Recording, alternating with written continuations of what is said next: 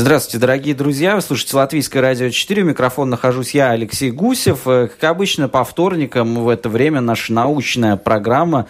Э, вашему вниманию вот, наиболее интересные теоретические темы мы разбираем. Э, сегодня мы будем говорить о так называемой франкфуртской школе. Почему она так называемая, скажем, немного позже.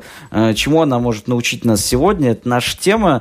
Ну, чтобы вы имели некоторое представление, наверное, надо сказать, что вот она пыталась анализировать современное общество то ли с социологических, то ли с философских позиций, э, считала, что оно существует за счет распространения некого ложного сознания с помощью средств массовой информации, популярной культуры, навязываемого культа потребления. То есть, э, конечно, франкфуртская школа – это продолжатели традиции марксизма, наверное, в первую очередь.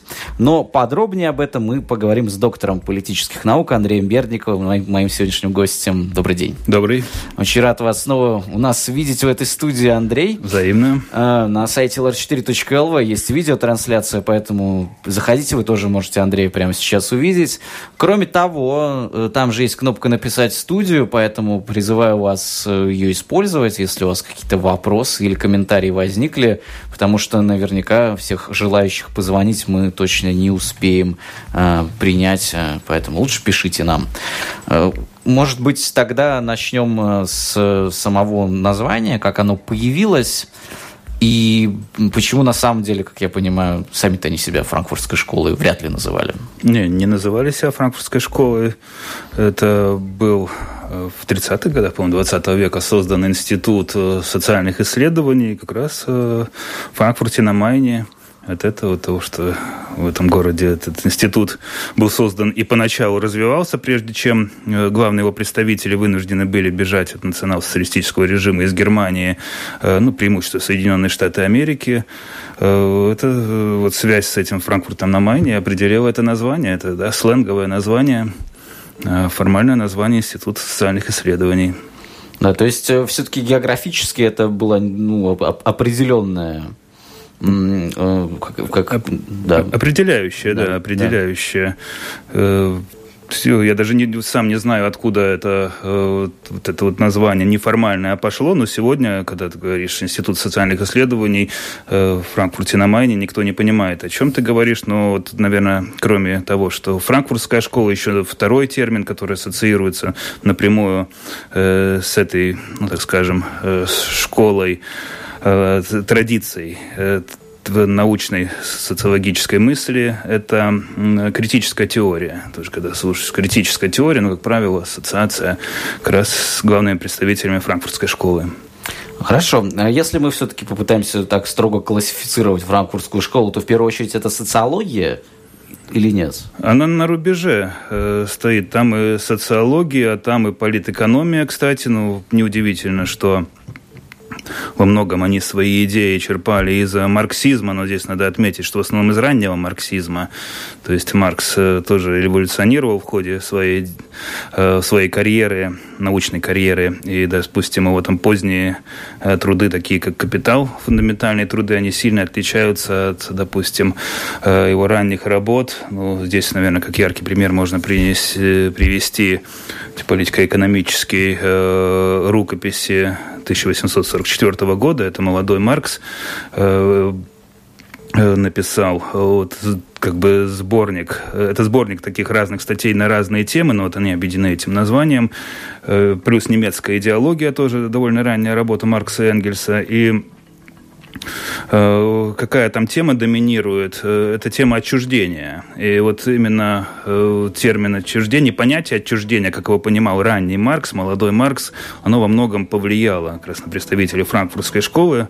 Сколько, ну, отчуждение в этом смысле, это Маркс в основном это конечно, экстраполировал на экономическую сферу, это когда человек э, занимается каким-то трудом, а результаты этого труда он как бы делегирует нанимателю. И в этом смысле, по мнению Маркса, он эту мысль четко артикулировал. Человек не чувствует ответственности за результаты своего труда, человек не чувствует какого-то, э, не, включ, не, так сказать, не вкладывает какую-то творческую энергию в создание этого продукта, то есть он чисто делает какую-то работу за деньги, не видя в ней смысла.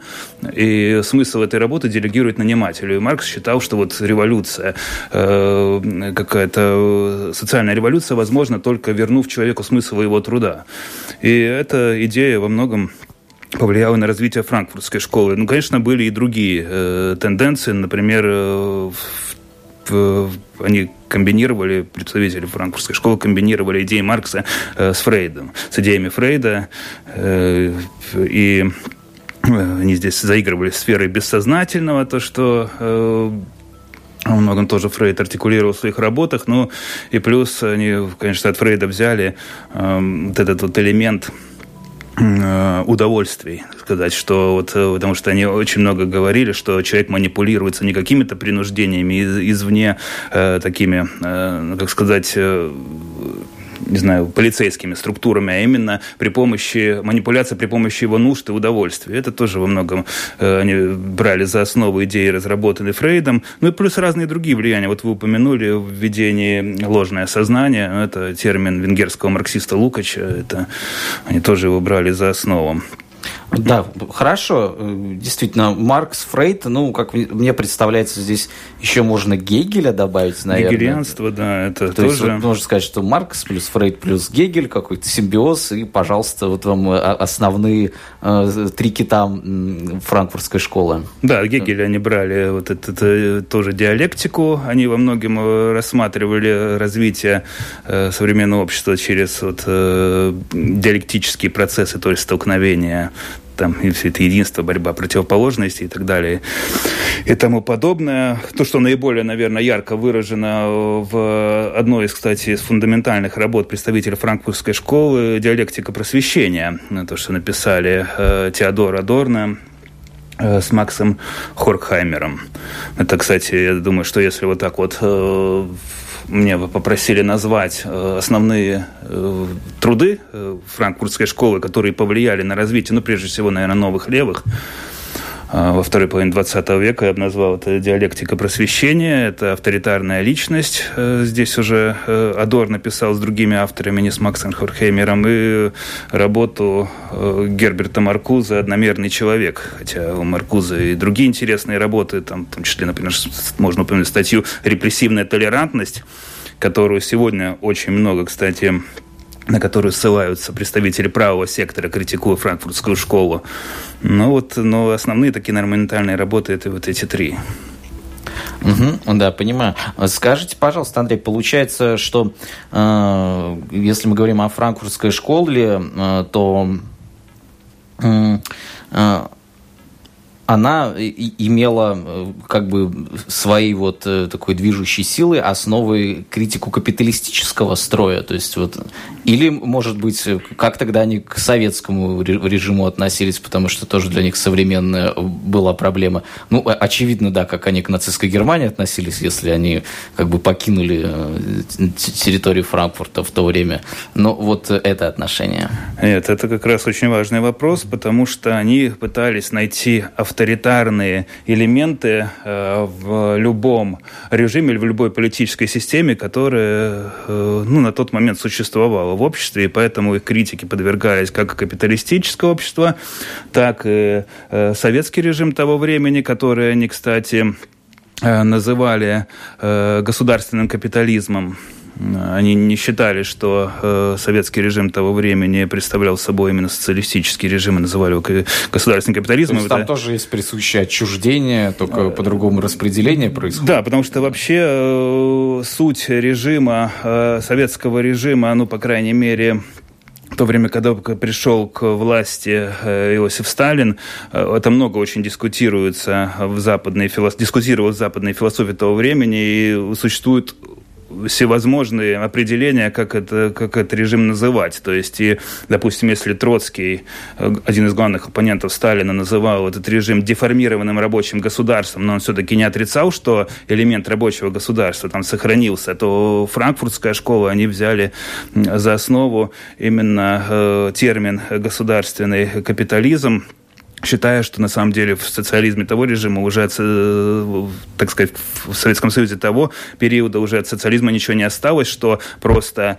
э, сказать, класс буржуазии был заменен классом бюрократии, грубо говоря. А, а над рабочему народу никакой власти не осталось, когда были ликвидированы все эти формальные власти советов и так далее и тому подобное. Существуют и другие определения, там бюрократический коллективизм, но это уже, наверное, тема другой дискуссии. Так что Советскому Союзу тоже доставалось. Кроме этого, они были критически, и, допустим, к э, реформам Теодора Рузвельта э, этот у него какой-то New Deal, это ну, новый путь, наверное, так если недословно, а литературно переводить они тоже там видели авторитарные тенденции. И вообще суть их, э, суть их, наверное, всего учения, если можно в одном тезисе определить, то, что они несли с собой идею освобождения человека э, от всех форм эксплуатации, доминирования и подавления во всех, э, во всех сферах э, жизни, так сказал. И здесь они, э, в чем их отличие от Маркса, что они не акцентировали только на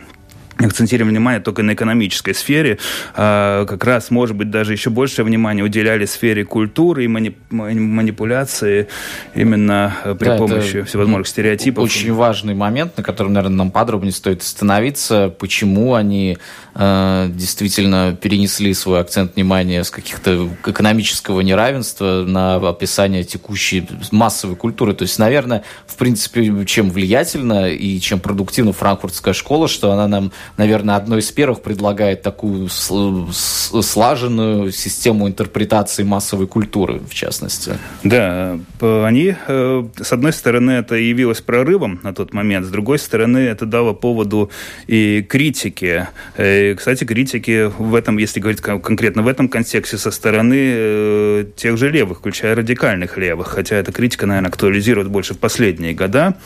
То есть, э, с одной стороны, Маркс он свое учение базировал именно на то, что вот существует форма эксплуатации в экономической сфере, и э, у него были, так сказать, э, эксплуататоры, это класс буржуазии, ну, эксплуатируемый класс пролетариат. Ну, если он говорил той, э, о том обществе, которому он был сам свидетель, которому он жил, потому что у него был исторический экскурс предыдущей формации, там, было, там были другие эксплуататоры, другие эксплуатируемые, но вот именно в капиталистическом режиме он говорил об этих двух классах. То есть франкфуртская школа, она во многом говорила, что этого недостаточно, и они стали э, вводить э, э, более такое диверсифицированное что-нибудь понятие эксплуатации, где они э, рассматривали эксплуатацию не только в терминах э, экономических, в категориях экономических, но и в терминах отношения между расами, отношения между мужчиной и женщиной, ну, то есть половые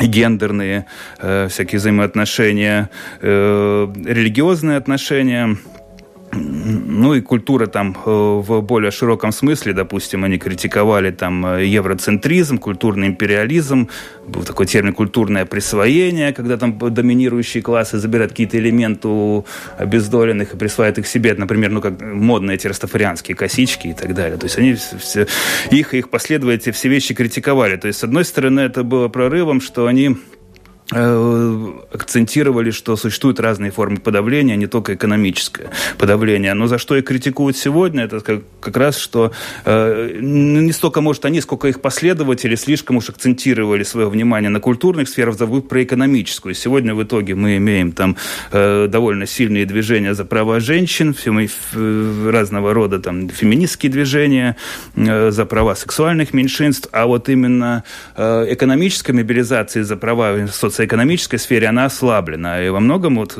критики как раз говорят, что популярность идеи франкфуртской школы привело к этому, что были, так сказать, по-своему дискредитированные, во многом отброшены назад так называемые э, классические, э, ну сейчас называют старые правые, э, которые как раз, может быть, э, доминировали до 1968 года, но они э, именно были так сказать, способны мобилизовать и рабочие э, классы, профсоюзы. А после этого пошел спад. И, кстати, это же был один из тезисов того же Маркуза, э, ну, представитель, яркий представитель франкфуртской школы, что пролетариат утратил свою роль э, революционную. Это очень важный тезис, потому что вообще, ну, если говорить о революционной мысли, то одна из тем, которые всегда всегда обсуждались, и на, на, обсуждалось, и на, о чем спорили и революционеры, и, сказать, научные, научная мысль вокруг революционной мысли, это кто является революционным классом для того, чтобы делать революцию, для того, чтобы бороться кто с существующим режимом, силой, движущей да? силой, угу. да. И второй вопрос, что такое революционная ситуация. Каждое из движений отвечало на этот вопрос по-своему. Маоизм, и там Че Гевара, и э, там национальная освободительная независимость, они все на этот вопрос отвечали отвечали по-разному, и Ленин в том числе. Там, и у всех у них были разные, разные взгляды. Кто-то ставил на крестьянство, кто-то ставил там на какие-то антиколониальную так, борьбу. А Хоркхаймер с Адорно на кого ставили? Вот, а здесь скорее э, они ставили прежде всего, наверное, на такую неудовлетворенную интеллигенцию, но наиболее яркий, наверное, представитель, который акцентировал эту модель, это Маркузе. Он, э, у него это в одномерном человеке и в части в эросе цивилизации у него четко поставлено, что вот этот тезис определен, что рабочий класс утратил свою революционную роль, что он интегрировался интегрировался в индустриальное общество, и на самом деле на тот момент, ну, есть у Маркуза доля правды, поскольку многие э, представители рабочего класса в тот момент стали голосовать за правые партии, это еще лучше. Ингельхарт эти все процессы описал, другой ученый, э, уже статистически. А э, теперь революционная роль, по мнению Адорна, перешло как раз вот э, к, к тем, что Маркс, наверное, называл скорее люмпен-пролетариат. Это, прежде всего, всякие аутсайдеры, не вписавшиеся вот этот капита, в капиталистическую систему. Это разного рода обездоленные меньшинства. И это набирающие силы в тот момент всевозможные контркультуры. Хиппи, там э, в то время еще и остатки битников. И, э, ну, теперь мы тоже видим, чем все это кончилось. Здесь вас немного прерву.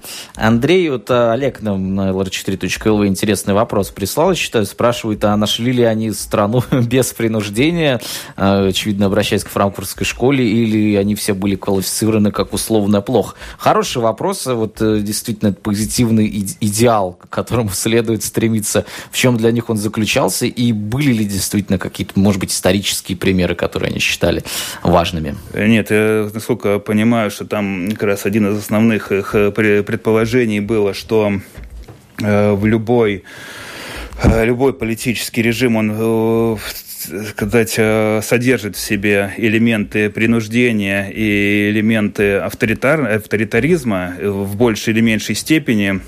Здесь можно было спорить, например, тот же Маркуза, он э, четко тоже сказал, что э, западные демократии тоже можно считать тоталитарными. Тоталитарным режимом у него даже был термин неототалитаризм, и он четко сказал, что тоталитарный режим это не только принуждение при помощи каких-то, э, как он сам писал, по-моему, использовал слово террористических, полицейских там практик, а это также манипуляция, э, манипуляция нуждами и потребностями э, при помощи э, сказать, там, э, рекламы, при помощи эм, при помощи средств массовой информации, при помощи там, других э, форм индоктринации, так называемого ложного сознания. То есть там э, самый даже, так сказать, либеральный режим, а либеральный режим, они всегда якобы претендовали, что у них там э, свобода одной из основных, э, основных ценностей лежит в основе всего общественного устройства. Они это категорически отрицали. Они просто считали, что э, все эти режимы авторитарны, а методы разнятся.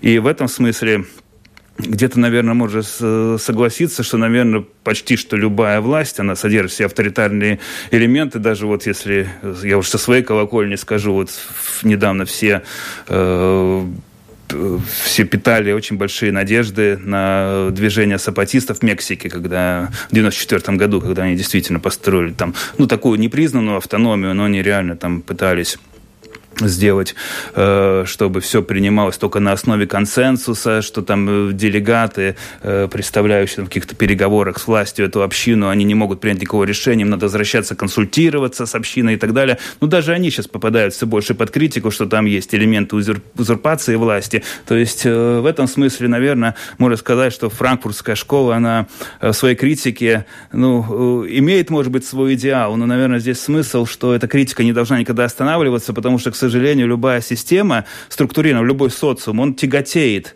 э, со временем, э, наверное, какой-то бюрократизации, а где бюрократизация, там уже появляется и форма принуждения. И, наверное, в этом смысле это можно критиковать. С другой стороны, здесь надо сказать, что а может ли существовать какой-то социум без этого элемента принуждения? Потому что сегодня, например, мы видим другую ситуацию. Люди так устали от нестабильности, что они хотят уже более авторитарных форм правления, многие. Ну, и... С другой стороны, если мы говорим именно про франкфуртскую школу, насколько я понимаю, там они представляли, что, наверное, на смену капитализму, который они описаны, ну, в конце концов, должно прийти некоторое коллективистское общество, возможно, с чем-то близкое тому проекту, который ранее Маркс описывал. Не, ну, конечно, они верили. Это, да. это, я, я не знаю, они действительно верили, что такое наступит, но да. они, по крайней мере, в своих политических э, памфлетах и манифестах э, на это указывали. Тот же самый вот послесловие политическое Маркуза к эросу цивилизации. Там, естественно, вот это призыв к всеобщему этому, как называл, великому отказу. Это именно эта идея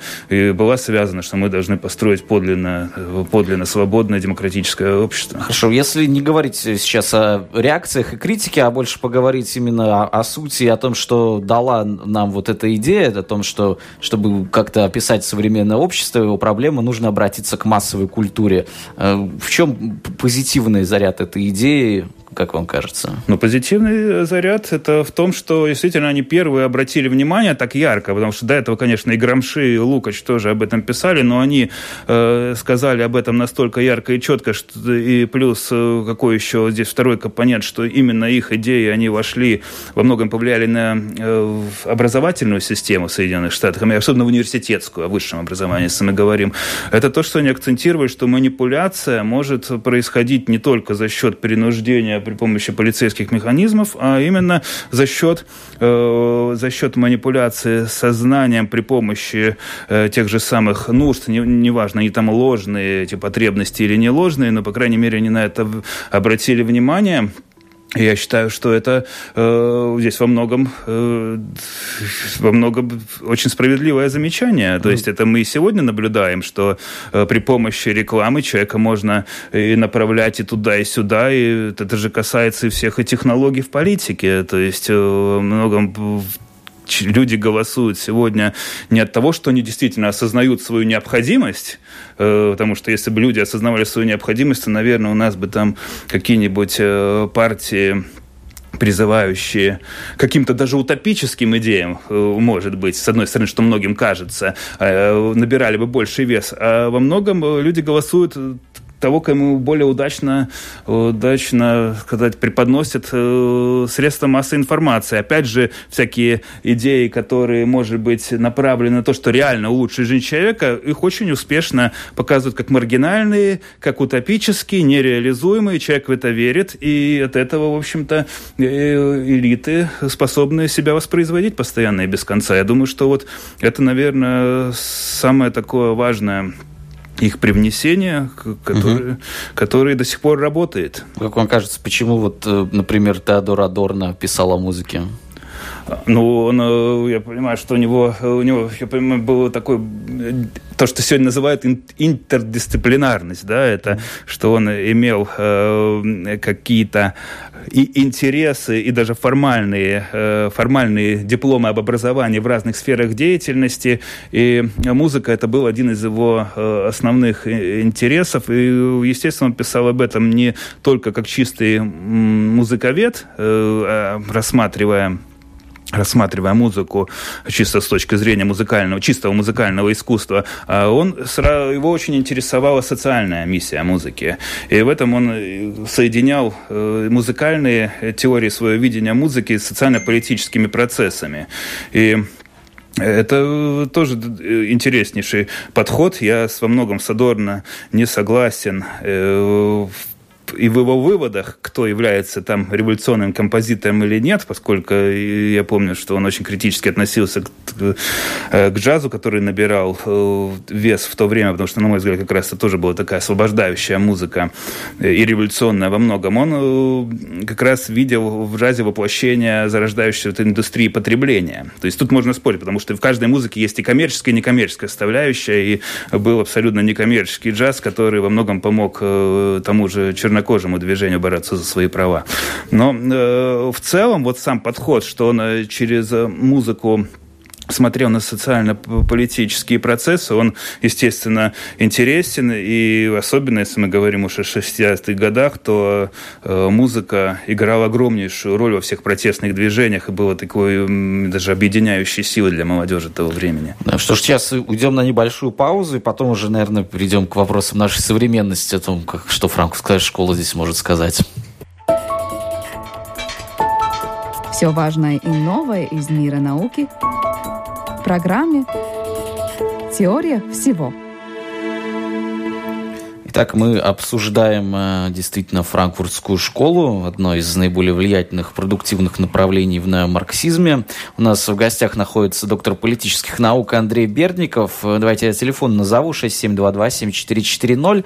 Э, но пока до этого давайте вот действительно к нашему времени немного перейдем, потому что, да, действительно, франкфуртская школа достаточно разрозненное формирование. Здесь сложно говорить на самом деле о какой-то вот, ну, неком едином общем объединении объединяющей платформе, но к ней относится в том числе, как многие его называют, самый главный философ Германии, наследник Канта, Маркса, Фрейда и всех, кого только можно. Я о Хабермасе говорю. Э, то есть э, это, это вот все не, преувеличение, это действительно столько важная фигура, которая тоже вышла из франкфуртской школы, и это наш современник. Я, да, он, он важен, просто, может быть, он э, для политической мысли, если здесь сузить, все-таки важен больше по другим, э, по другим критериям. Он не столько вошел как критик капиталистического общества или там других авторитарных форм, сколько меня, в первую очередь, с Кабермасом ассоциируется это его Э, идея о том, что любая э, истинная демократия ну, должна базироваться именно на э, так сказать, на убеждение, на, на диалог между, на диалог между э, людьми и гражданами. Так сказать, вот здесь он выступает скорее даже последователем такого греческого понимания демократии. То есть для Хабермаса было неприемлемо, чтобы, э, так сказать, чтобы демократия осуществлялась просто от выборов к выбору, где между выборов э, действуют какие-то просто э, технологические, там, э, манипулятивные техники, которые настраивают избирателей туда и туда. То есть для него демократия – это не кончающийся процесс обсуждения между гражданами, где гражданин, он постоянно совершенствует свое понимание процесса, спорит с другими. И в этом вот Хабермас, наверное, его, э, я бы не сказал, что главное при, привнесение, потому что эта идея, она, в общем-то, идет с древних времен, но, скажем, он актуализировал это в новом контексте, что все-таки суть демократии – это не просто большинство против меньшинства, а это прежде всего какой-то консенсус, который вырабатывается, учитывая э, разные потребности общества и при помощи диалога между этими слоями общества. И он очень критически, вот здесь, наверное, он был последователем Франкфуртской школы, относился к манипулятивным тактикам. Именно думающий гражданин, который способен способен видеть сквозь манипуляции. Это истинный вот э, агент демократии, можно сказать так. Да. Что ж, э, да, вновь да, возвращаясь, сегодняшний день уже совершенно окончательно. Что, какая вот идея франкфуртской школы вам кажется сегодня наиболее резкая, отчетливая, актуально звучащей?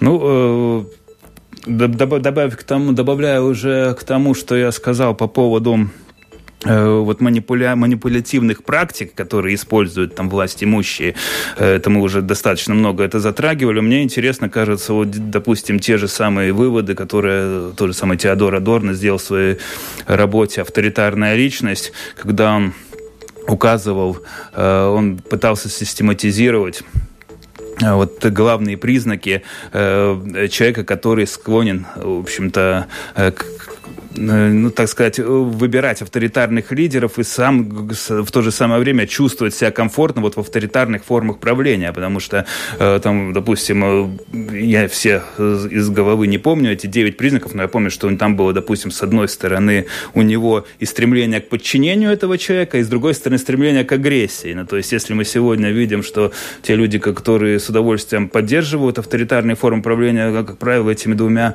элементами чертами характера обладают. Давайте звонок примем. Э, добрый день. Э, добрый день. Добрый. Э, очень интересно. Вот про это мы могли бы говорить долго. У меня можно два таких маленьких как бы вопроса, как бы примечания. Давайте. сначала я хочу сравнить наше... Э, мы внедрили как бы демократию в 90-х годах, да? Но самое страшное, что мы... Ну, я сейчас вот читаю нашу Яунсу Дробинч и все по, на том фоне, на каком мы были, нищета и все, но не может быть демократии, потому что мы насмотрелись на Европу, у нас будет не, э, демократия. Нам нужна была аутократия, потому что надо было из бедности выйти, это раз. А, а, а второе, я как женщина, ну, извините, я считаю, все беды наш, э, начались тогда, когда женщины решили, что они не будут заниматься своими делами, детьми, Э, семьей. Так, спасибо большое, ваша мысль ясна. Я думаю, что не все женщины с этим согласятся уж с вашим вторым утверждением точно. Ну и первое тоже, по-моему, достаточно спорное. Тем не менее, да, вот прямо на нашу почву ну, диалог э, переведен я уже упомянул чуть-чуть критику слева, есть и критика справа э, в адрес франкфуртской школы. Как раз вот слушательница во многом и воспроизводит, воспроизводит эти аргументы. В общем-то, Действительно считается, что франкфуртская школа, она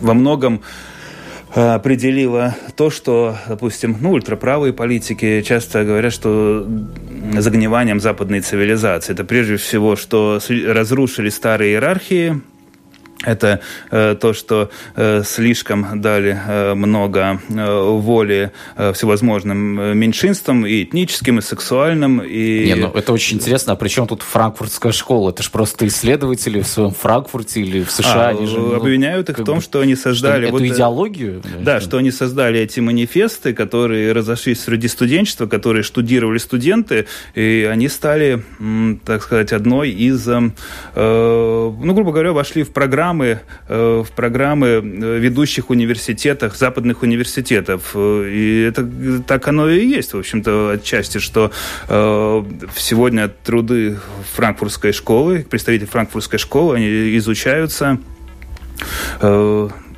изучается всеми солидными университетами, которые имеют какое-то отношение к социологии, культурологии, политологии так далее. И, в общем-то, естественно, консервативная публика, она недовольна, что эти идеи внедряются в сознание молодежи, потому что считается, что слишком много свободы человеку не нужно, потому что именно э, авторитарные формы проявления наиболее эффективны, они защищают человека от новых вызовов лучше, чем, сказать, чем человек может сам самоорганизуясь. И здесь вопрос предпочтений. Действительно, кто считает что здесь важно, может ли человек быть свободным и самоорганизовываться с другими свободными людьми, чтобы преодолевать кризис, или ему надо какая-то жесткая рука со стороны. А Хоркхаймер и Аддорна после того, как Вторая мировая война закончилась, вернулись во Франкфурт, кстати. Это, наверное, частично указывает на то, что не совсем они в Соединенных Штатах прижились, э, как мне кажется.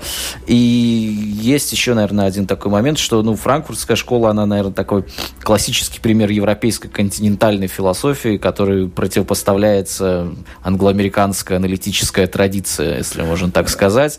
Вот э, в чем их главное различие и почему вот второй вот это вот а, аналитическое присущая некая аура научности, а у европейцев этого нет?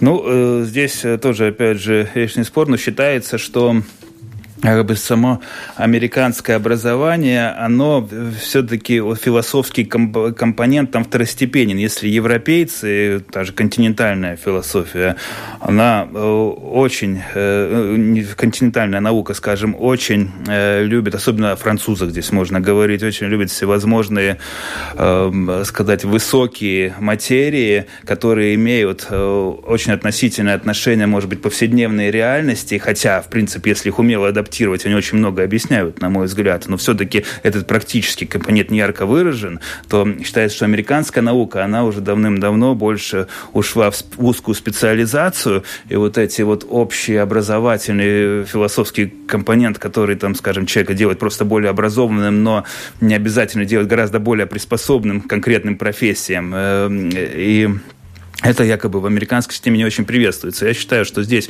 это немножко все-таки стереотипы, поскольку ведущие э, вузы э, Америки, они тоже уделяют достаточное внимание, но в целом, наверное, если честно признать, то американская философия, она более такого позитивистского склада, как бы сказать, вот этот термин позитивизм, это подразумевает в себе, ну, в том контексте, о котором я говорю, именно практическая применимость. Эм, э, то, что такие какие-то высокие они материи в духе Гегеля. Гегеля решают, да? Да, в духе, в духе того же Гегеля это все-таки такая европейская традиция, э, и считается, что американцам э, в большинстве своем ну, не очень нравится возиться в этих умозаключениях, что такое диалектика там, и так далее и тому подобного, а европейцам это нравится. Например, ну, французов я упомянул, у них вообще вот игра слов, э, философии ни о чем, а вот именно красота изложенной мысли, красота тезиса во многом ставится важнее практической применимости этого тезиса. Американцев все наоборот. Может быть, в этом, в этом причина. Хотя, опять же, еще раз повторю, что в американских университетах э, франкфуртская школа до сих пор популярна, и здесь нельзя все-таки отрицать, что оно повлияло и на молодежное движение в 60-х годах в Соединенных Штатах Америки, не только в Европе. Что ж, благодарю вас, доктор политических наук Андрей Бердников. Сегодня мы рассказали о том, в каком контексте сегодня находится франкфуртская школа. Спасибо большое. Спасибо. Программа «Теория всего» прощается с вами на неделю. Встретимся совсем скоро. Меня зовут Алексей Гусев. Всем всего доброго. До свидания.